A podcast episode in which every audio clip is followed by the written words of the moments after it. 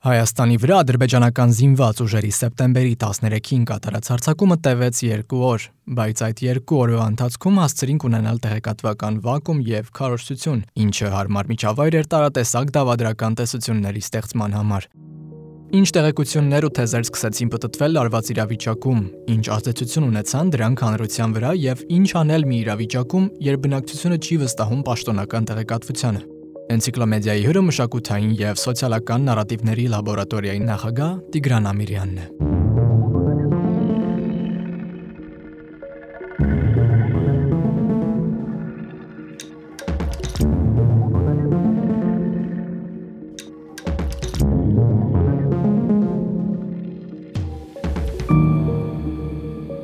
Տիգրան նորություն չմասի, որ ապրում ենք ինֆորմացիոն դարաշրջանում, որ ինֆորմացիան կարևոր է, փոխում է մեր կյանքը ոնց կուզի, այսպես ասած։ Ինֆորմացիան պատերազմի ժամանակ կամ կարող եմ ասել ընդհանրապես խաղաղության ժամանակ, որտեղ խաղաղություն ի վերջո չենք տեսել թեկուզ վերջին 30 տարիների ընթացքում, զինադադարի, որը ամեն դեպքում խաղաղություն չի իրենք տրավմատիկ լրահոս են մեզ համար ապահովում ու լրահոսի հետևում կան կանգնած շատ գործոններ, շատ օբյեկտներ ու սուբյեկտներ ու այսօր դու եկել ես մեզ օգնելու հասկանալ, թե մասնավորապես, երբ որ ընթանում են այս կամ այն ռազմական գործողություններ, հատկապես պատերազմ, ինչ գաղափարներ են առաջ գալիս եւ արդյոք մենք այդ գաղափարները կարող ենք նախապես զգալ, որովհետեւ տենց միանգամից իրանք չեն գալիս, երբ որ ենթադրենք կրակեցին, ինֆորմացիան մեզ տվեցին, մենք ոնց որ պատրաստվելով ենք այդ ամեն ինչին գալիս, այդ ուժերը, որոնք կանգնած են ինչ-ինչ ինֆորմացիոն հոսքերի յետևում, իրանք դրա համար տանում են մեծ աշխատանք։ Կուզենամ որպես բացում ներկայացնես, թե տվյալ պահին, երբ որ տիրում է մեծ անորոշություն, ոչ մեկս չգիտի վաղը ինչ է լինելու, ինչպես ես նկարագրում դու ես միջավայրը, որը ասես վակուում լինի։ Երևի պետք է նշենք, որ պատերազմային իրավիճակը ընդհանրապես շատ բարդ իրավիճակ է ու բերում է նրան, որ մենք տեսնում ենք թե սոցիալական, թե քաղաքական հա տարբեր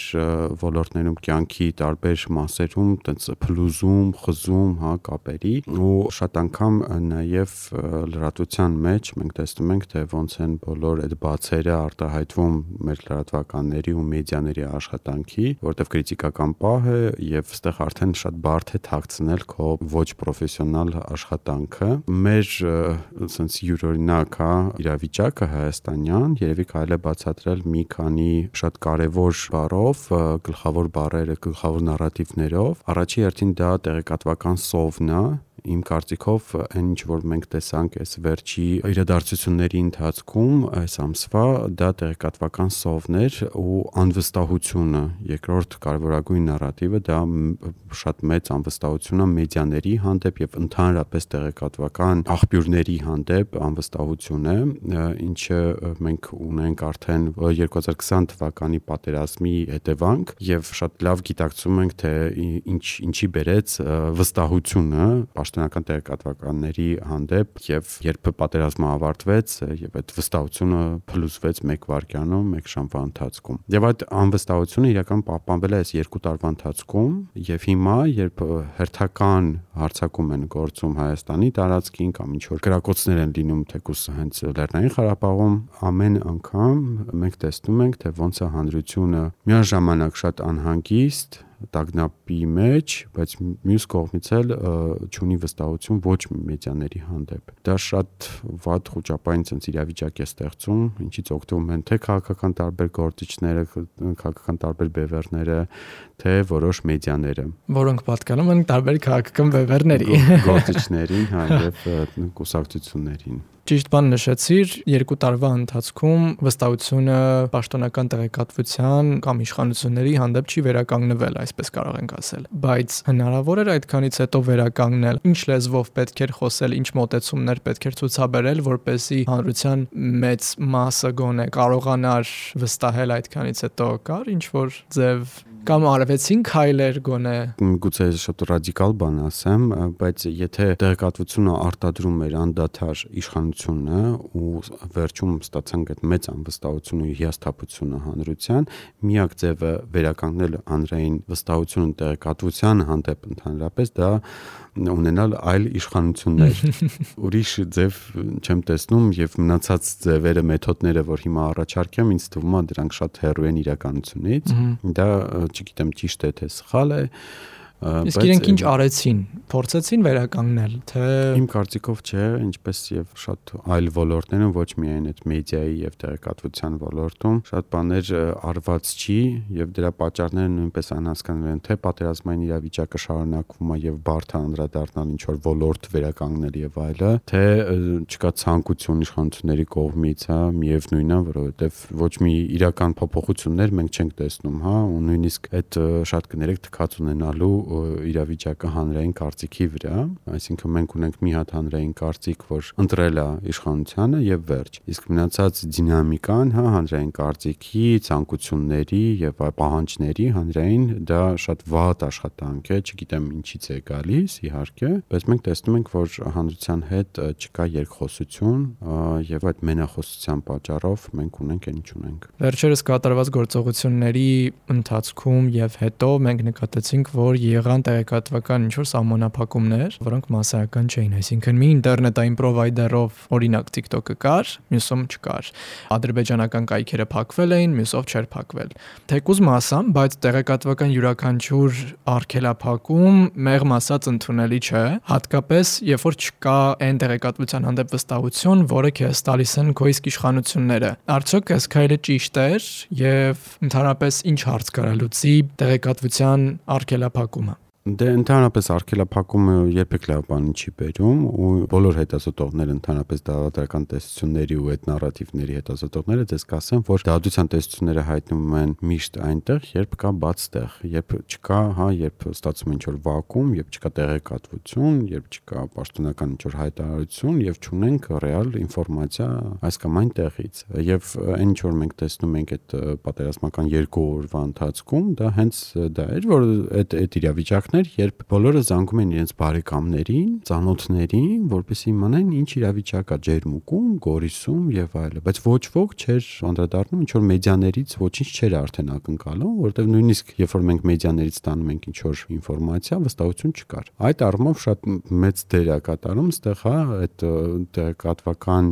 տարբեր ոնց որ ասած գործարանների վատ աշխատանքը բերում է նրան կամ իրանց լրությունը, պարզապես բերում է նրան, որ ստեղ սկսում սկսում են աշխատել անհատ ինչ որ բլոգերների ձայներն են, հա, բարձրանում։ Եվ այստեղ հանրությունը ավելի շատ սկսում է իրենց վստահել, որտեղ այնտեղ վակուում է, դատարկ տեղ է, իսկ հանրությանը պետք է ինֆորմացիա։ Ինքը կամ զանգում է իր բարեկամին, եթե չունի բարեկամ հարևան, որ իմանա ստույգ իրական իրավիճակը տեղում, սկսում է արդեն անդրադառնալ այդ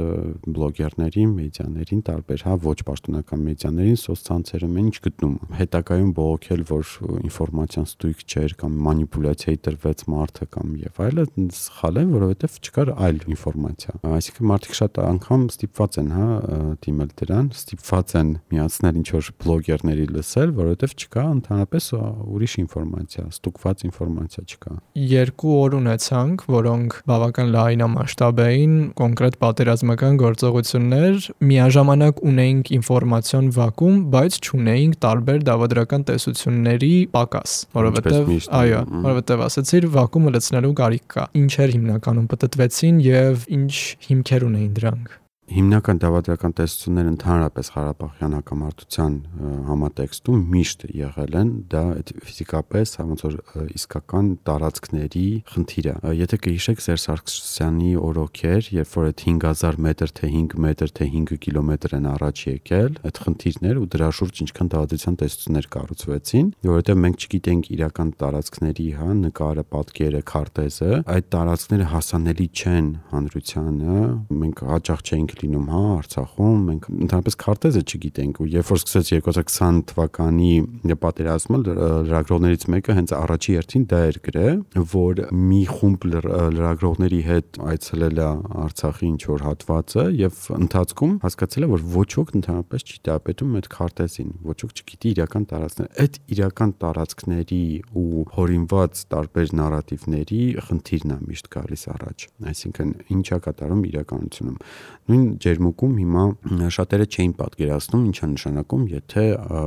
ջերմուկի լիճն են, հա, արդեն ռմբակոծում կամ գեզմանատունն է գյուղի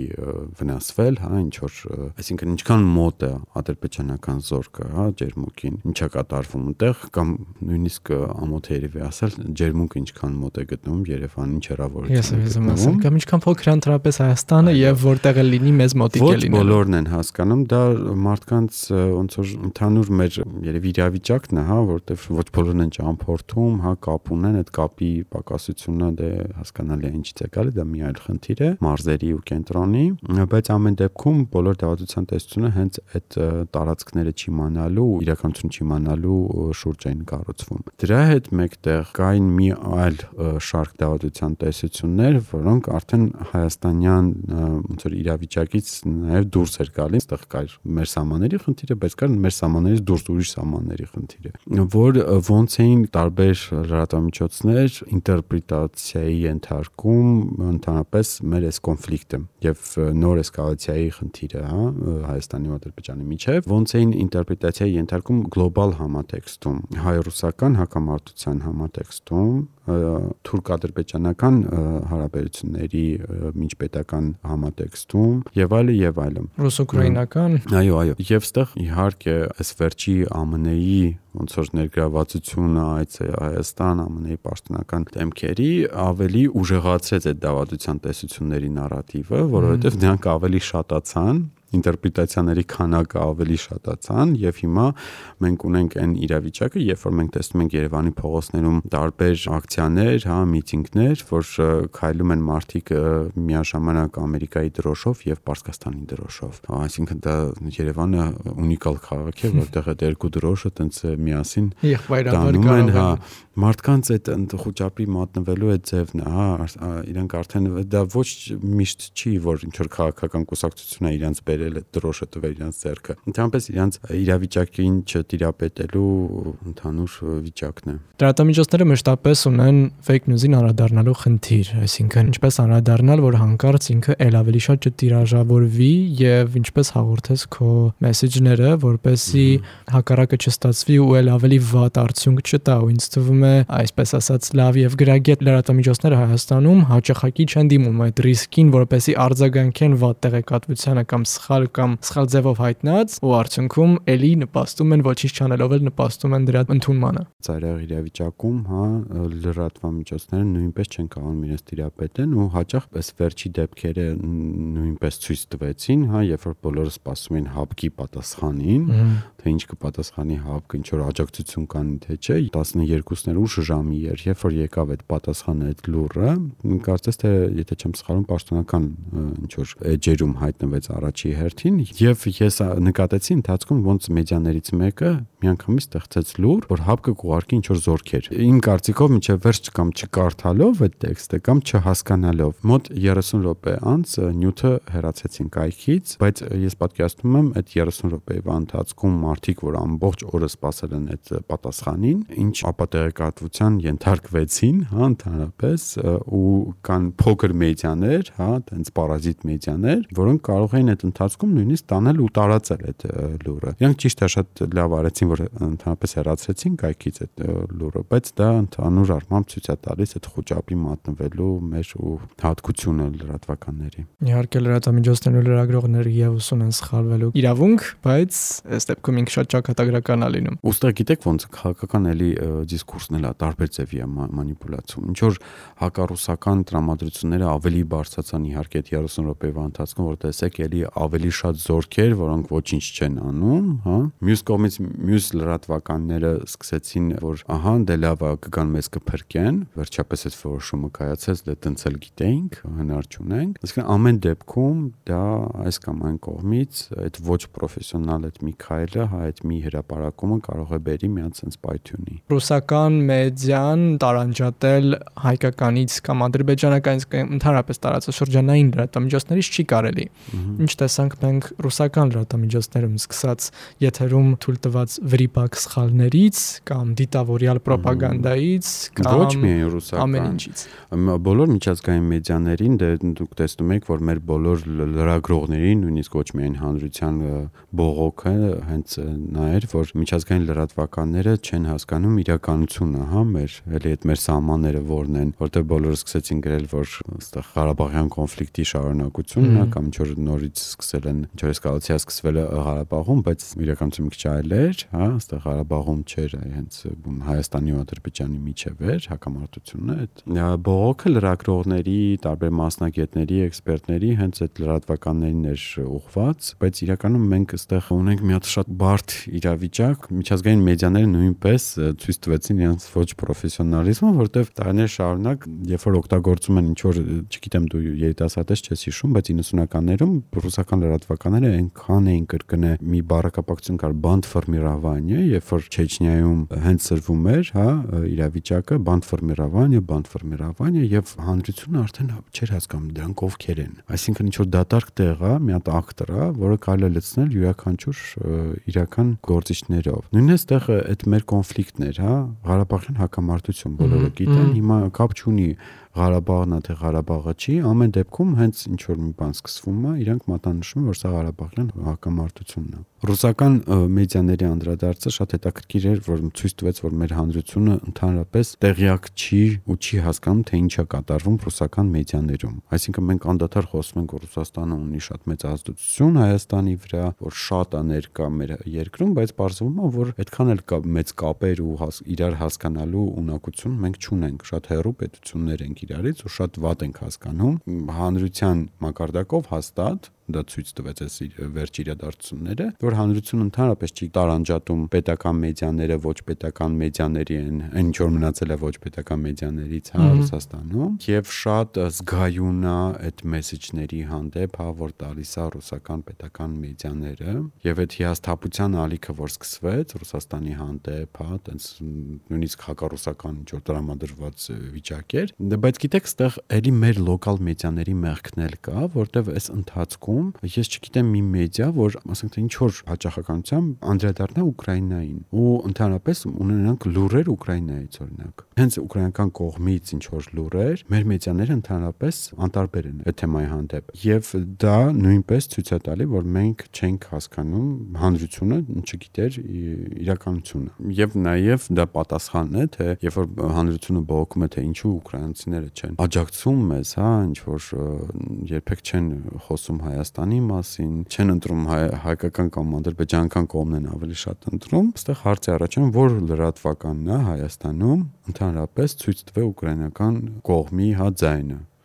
այս ընթացքում շատ քիչ ոչ պետական կառույցների աշխատողներ, հա, ՔՀԿ դաշտից ինչ որ ներկայացուցիչներ գիտեն, որ այս ընթացքում եղել են Ուկրաինայում, այն ապահով մասում Ուկրաինայի, որպեսզի տեսնեն իրական իրավիճակը։ Իրական են կորուստները, որ գրում է այդ երկիրը։ Ուկրաինական թեման հիշելով ես չեմ կարող չվերհիշել սպիտակ ֆոսֆորի վերաբերյալ տեղեկատվությունը, որը ի վերջո անհասկանալի էր որտեղից դուրս եկավ։ Ցակումը։ Ահա, որտեղից վերցրին, որ դա Ուկրաինան է վաճառել, հետո որ վերջերս տեսանք, որ նույն սպիտակ ֆոսֆորը Ռուսաստանն օգտագործել է Ռուսաստանի դեմ եւ եկան մտքեր, որ Այ տեսեք, ուրեմն Ռուսաստանն էր վաճառել Ադրբեջանին այդ սպիտակ ֆոսֆորը։ Ու այսպես անընդհատ մեծ կացայի մեջ եփվում, եփվում, եփվում են։ Դրա համար ես կուզենամ առիթից օգտվելով ու ապահովելով մեր ոդքասթի էպիզոդի ուսուցողական կոմպոնենտը, խնդրել քեզ, որ հուշես մեզ, օգնես, ինչպես հասկանալ, որ տեղեկատվությունը հերթական դավադրական տեսության կամ հիմքն է, կամ թևն է, կամ չգիտեմ, որևէ մի մասն է։ Իմ կարծիքով ոչ ոք պարտավորված չի հա լինել մասնագետ եւ իմանալ թե ով ում ինչ է վաճառել։ Մանավանդ իմ կարծիքով դա ինչ որ գաղտնի ինֆորմացիա է եւ պետությունները չեն հրապարակում, հա, թե ումից ինչ զենք առան, թե պարտավորված են դա թափանցիկ անել այդ գործընթացը, բայց ամեն դեպքում դա ոչ թափանցիկ մի երևույթ է Որոշ դատաբազաներ կան, բայց դե իհարկե դրանով միայն հանրությունը դա նորմալ երևույթ է, երբ որ հանրությունը տեղյակ չի։ Աննորմալ է, երբ որ հանրությունը տրվում է այդ մանիպուլյացիաներին։ Այստեղ կարծես թե հենց մենք տեսնում ենք, որ հանրությունը միշտ չի գիտակցում, որ կա իրականություն ու այդ իրականության մասին լեզու։ Մեդիաները դա ալիք են, դա լեզու է իրականության մասին, բայց դա դեռ իրականությունը չի։ Ու տրվել պանիկայի հա ինչ որ, չգիտեմ, ընտրություն անել, հա, կամ որոշումներ կայացնել միայն մեդիաների ինֆորմացիայի վրա հիմնվելով դա սխալ է։ Միշտ պետք է տարանջատել, որ կա իրականություն ու իրականության մասին տեղեկատվություն։ Լեզու, իսկ թե ոնց է այդ լեզուն մանիպուլյացիայի ենթարկում, դա մի առանցին, հա, ոնց որ հետազոտության եւ ընդհանրապես ոչ միայն հետազոտության, այլ զգայուն լինելու, հա, մի քիչ զգայուն լինելու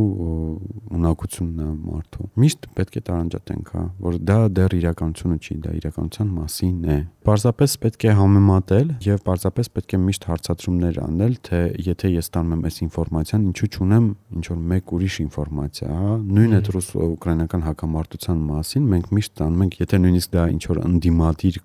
մեդիաներից է գալի ռուսական, միևնույն է մենք ունենք ինֆորմացիան ռուսական կողմից։ Մենք երբեք չունենք ուկրաինական կողմից ինֆորմացիա եւ հանրությունը պետք է ավելի հաճախ հարց տա, հա, ինչու ես վստահում եմ միայն այս աղբյուրներին եւ ճունեմ երկու տարբեր կողմերի կարծիքը կամ աղբյուրները հասանելի չեն ինձ։